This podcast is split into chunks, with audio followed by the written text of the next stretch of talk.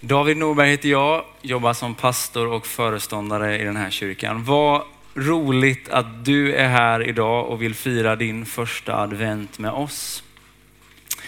Det är härligt att det är fullsatt i kyrkan, att man får sitta lite extra nära grannen, samla sig kring adventssånger, sjunga samma melodi, förhoppningsvis i samma tonart. Det är härligt att vara många tillsammans idag. Vi ska börja och läsa en lite längre text idag. Och jag skulle vilja säga till dig som är lite ny här idag. Det här är en perfekt text för dig. Jag tycker att det är en av de bästa texterna som beskriver vem Jesus är, vad är det han vill göra, vad är det han har att ge. Det här är hans programförklaring. Ni vet när man går på restaurang, då är det ganska skönt att få se menyn först. Är det någonting att ha? Eller när man eh, ska gå på ett träningspass, då vill man ju veta vad det innehåller. Här har ni programförklaringen. Och har du din bibel med dig så kan du få följa med mig till Lukas evangeliet kapitel 4, vers 16 till 30. Jesus kom till Nasaret där han hade växt upp och på sabbaten gick han till synagogan som han brukade. Han reste sig för att läsa och man gav honom profeten Jesajas bok. När han öppnade den fann han det ställe där det står skrivet. Herrens ande är över mig, ty han har smort mig till att frambära ett glädjebud till de fattiga. Han har sänt mig att förkunna befrielse för de fångna och syn för blinda. Att ge de förtryckta frihet och förkunna ett nådens år från Herren. Han rullade ihop boken och gav den tillbaka till tjänaren och satte sig. Alla i synagogan hade sina blickar riktade mot honom. Då började han tala till dem och sade, idag har detta skriftställe gått i uppfyllelse inför er som hör mig. Alla prisade honom och häpnade över de ljuvliga ord som gick ur hans mun. Och de frågade, är det inte Josefs son? Då sa han till dem, snart kommer ni med talesättet läkare bota dig själv och säger allt som vi har hört att du har gjort i Kafarnaum, gör det här i din hemstad också. Sedan sade han, sannerligen ingen profet blir erkänd i sin hemstad. Jag försäkrar, det fanns många änkor i Israel på Elis, Elias tid. När himlen inte gav regn på tre, år, tre och ett halvt år och det blev svår hungersnöd i hela landet. Ändå sändes Elia inte till någon av dem utan till en änka i Sarafat nära Sidon. Och det fanns många spetälska i Israel på profeten Elisas tid. Och ändå blev ingen av dem botad. Däremot Syrien, Naman. Alla i synagogan blev ursinniga när de hörde detta. De sprang upp och drev honom ut ur staden och förde honom fram till branten av det berg som staden låg på för att störta ner honom. Men han gick rakt igenom folkhopen och fortsatte sin väg. Jag hade tänkt att göra dig uppmärksam på de två reaktionerna som kommer ifrån folket ifrån, i synagogan den där sabbaten. Det första är ju bara ren glädje. Alla verkar vara glada när de hör det Jesus säger. Men så är det som att stämningen vänder lite och det blir ju nästan ett upplopp. Det är inte varje gång i kyrkan som det händer kan jag säga. Och jag är glad för det. Stämningen vänder, men först är det bara glädje. Jesus öppnar bokrullen, han läser ifrån Jesaja och han ger sin programförklaring. Här är det ett glädjebud för de fattiga. Det är befrielse för de fångna, det är syn för de blinda, det är frihet för de förtryckta, det är ett nådens år ifrån Herren. Och reaktionen är ju bara ren glädje. Det här är ljuvliga ord. Fantastiskt. Vad skönt det är för att höra. Och jag tänker att det här är en ganska naturlig reaktion för oss alla när vi möter Guds nåd. Det är ljuvliga ord. Jag har ett, ett bibelställe som jag ganska ofta kommer tillbaka till. Det är i gamla testamentet när Gud för första gången berättar sitt namn. Tidigare så har han presenterat sig på lite olika sätt, men för Mose så vid ett tillfälle så ger han sitt namn. Och det här bibelordet det kommer tillbaka genom hela bibeln. Bibelns författare refererar till detta gång på gång och det är faktiskt det mest citerade bibelordet i hela bibeln. Gud ger sitt namn och då ska man veta att i en hebreisk kontext så, så är namnet viktigt. Namnet säger väldigt mycket om hur en person är, vad den har för karaktärsdrag. Det andra är att ordningen är viktig, alltså det som kommer först är det absolut mest framträdande drag, draget. Så lyssna nu, Gud ger sitt namn i andra Mosebok kapitel 36 och vers 34 och vers 6. Herren, Herren, eller Javé, Javé, är en barmhärtig och nådig Gud, sen till vrede och rik på kärlek och trofasthet.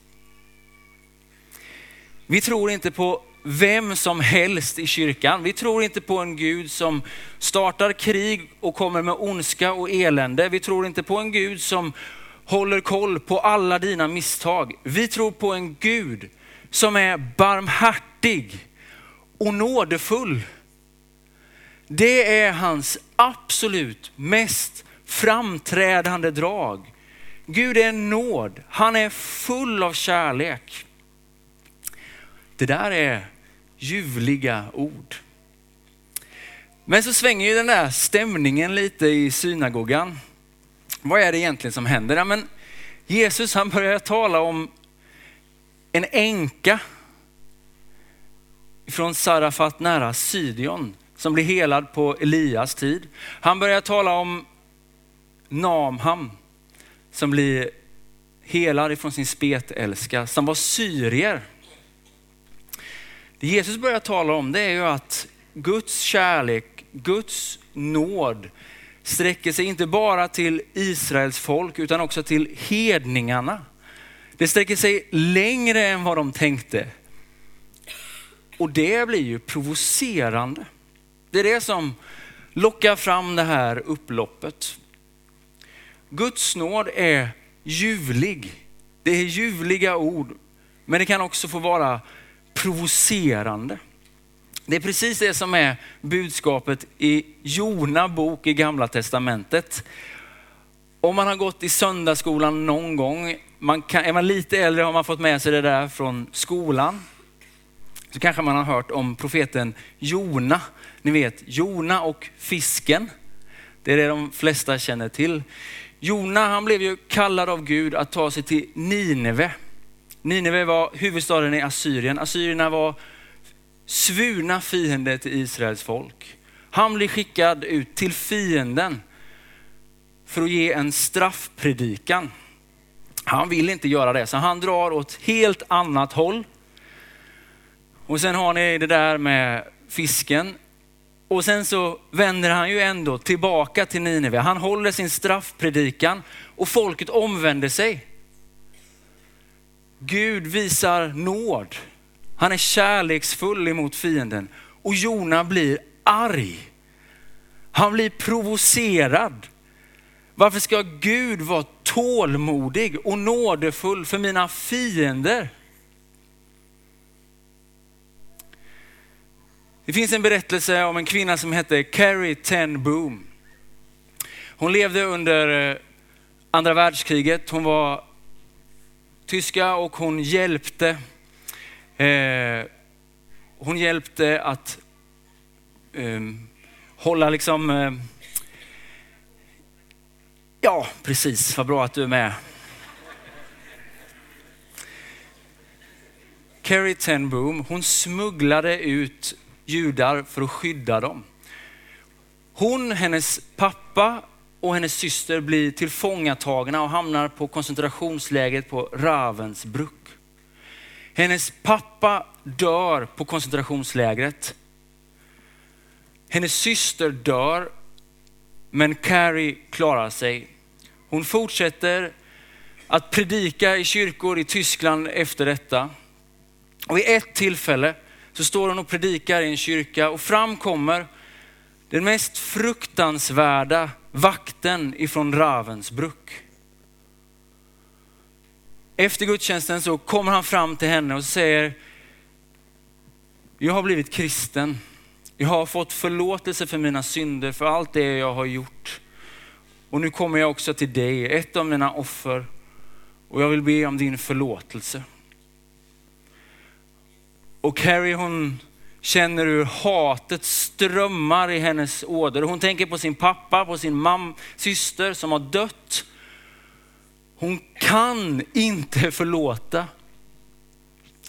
Och sen är det som att Guds kärlek tar över, fyller henne med kraft, sträcker fram sin hand till vakten och säger, jag förlåter dig broder. Och när hon tänker tillbaka på det här så, så beskriver hon det här, på det här sättet att vi rör aldrig så mycket som vi Guds kärlekshav som när vi förlåter våra fiender. Två reaktioner på Guds nåd. Det första är ju, det är ljuvliga ord. Men det kan också vara provocerande ibland. Jag skulle vilja lägga till ytterligare en reaktion. Jag hittar den inte i texten, men jag tänker att den gäller oss som lever efter reformationen. Guds nåd kan vara ljuvlig. Den kan också vara lite provocerande. Och för oss tror jag att den ibland också är förvirrande. Ni vet om Gud är så kärleksfull och så nådefull vad spelar det då egentligen för roll vad jag gör? Vad har jag för roll i detta? Om Gud ändå förlåter allt, vad är då min roll i detta? Låt mig säga några korta saker om detta. Blev det småländska här? Kort, korta.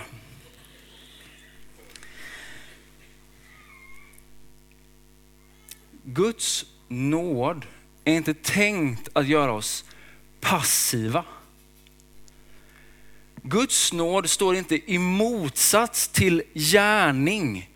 Det står i motsats till merit. Vi kan inte skaffa oss meriter inför Gud.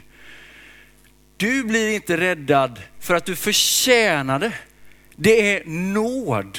Du kan inte skryta om det. Det är bara nåd, för att använda lite kyrkspråk. Du blir frälst genom nåd, av nåd genom tro. Det beror inte på gärningar. Men det betyder inte att du ska vara passiv. För nåden står inte emot goda gärningar. Det grekiska ordet för nåd kan också vara gåva. Det är det Gud vill ge dig. Han vill ge dig kraft att göra det som är gott att fortsätta lite till, en vecka till, ett år till. Ett nådens år. Det finns eh, en berättelse om Phil Knight. Kanske har du hört den här. Phil Knight, han var eh, en av grundarna till sportmärket Nike. Det finns också andra bra sportmärken. Phil Knight, han skulle tala på ett stort event där Nike skulle lansera sin nya slogan, Just do it. Han stod i en stor lokal och så bad han publiken svara på en fråga. Ja, men alla ni som någon gång har tränat för träningens skull, reser upp. Ni kan vara lugna, jag ska inte göra det nu. Alla reste sig upp. Sen fortsatte han och sa, ja men alla ni som har tränat en gång i veckan, stå kvar, ni andra sitt ner. De flesta i rummet satte sig ner. Sen fortsatte han, ja men alla ni som tränar två gånger i veckan, stå kvar, ni andra sitt ner. Alla ni som tränar tre gånger i veckan, oavsett väder, oavsett temperatur, stå kvar, ni andra sitt ner. Och nu var det bara en handfull människor som stod i lokalen. Då säger Phil Knight så här. När ni är där ute i mörkret, när det är blött och harvigt, då är vi där och vi hejar på dig under gatlyktans sken. Och på en gång så förstår ju alla vad Just Do It handlar om. Det handlar inte om att vinna, det handlar allt om att försöka. Vi behöver fler människor som tänker Just Do It. Den här världen behöver mer kärlek, mer värme, mer medmänsklighet. Just do it. När Jesus kommer, när han rider in i Jerusalem, så kommer han inte som en vinnare till vinnare. Han kommer ödmjukt ridande på en åsna. Han kommer till alla de som försöker, som hugger i och som inte ger upp. Hans nåd är för dig. Vem är Jesus för? Ja, men Jesus är för vanliga människor med vanliga problem. Han kommer till den ensamstående mamman som gör allt för att sina barn ska få en bra uppväxt. Han kommer till den äldre mannen som kämpar med ensamhet men som tjänar i det fördolda. Han kommer till den unga killen som kämpar med ekonomi men som har bestämt sig för att göra det rätta. Han kommer till den unga tjejen som kämpar med sin självbild men som har bestämt sig för att fortsätta och inte ge upp. Guds nåd är för dig. Den är tänkt att vara en kraft, vecka ut och vecka in. Att hålla i och inte ge upp. Vem är Jesus för? Ja, men han är för vanliga människor med vanliga problem. Vi här inne, jag skulle gissa att vi är runt 350 personer. Varje människa genererar ungefär 100 watt hela tiden. Det innebär att vi tillsammans här inne genererar 35 kilowatt. Det räcker ungefär till att duscha en varm dusch i 70 minuter eller ha torktumlaren igång i nio timmar. Det vill säga inte särskilt mycket. Jag tror inte att vi som ett kollektiv ska gå in i energibranschen. Det finns bättre sätt. Men tänk om du och jag, alla vi här inne, bestämmer oss att den här adventstiden ska vi sprida värme och medmänsklighet. På våra alldeles egna sätt såklart, men ändå. Tänk om vi verkligen skulle bestämma oss att vi ska ge vår omvärld, vår omgivning mer värme. Då skulle det bli en annorlunda jul för många i Sollentuna. Det skulle bli en annorlunda vinter i Poltava i Ukraina. Den här världen behöver mer av Guds rike. Ett glädjebud för fattiga. Befrielse för de förtryckta. Eller för de fångna. Syn för de blinda, frihet för de förtryckta. Och som Jesus också sa, jag är med er alla dagar. Just do it. Vi ber.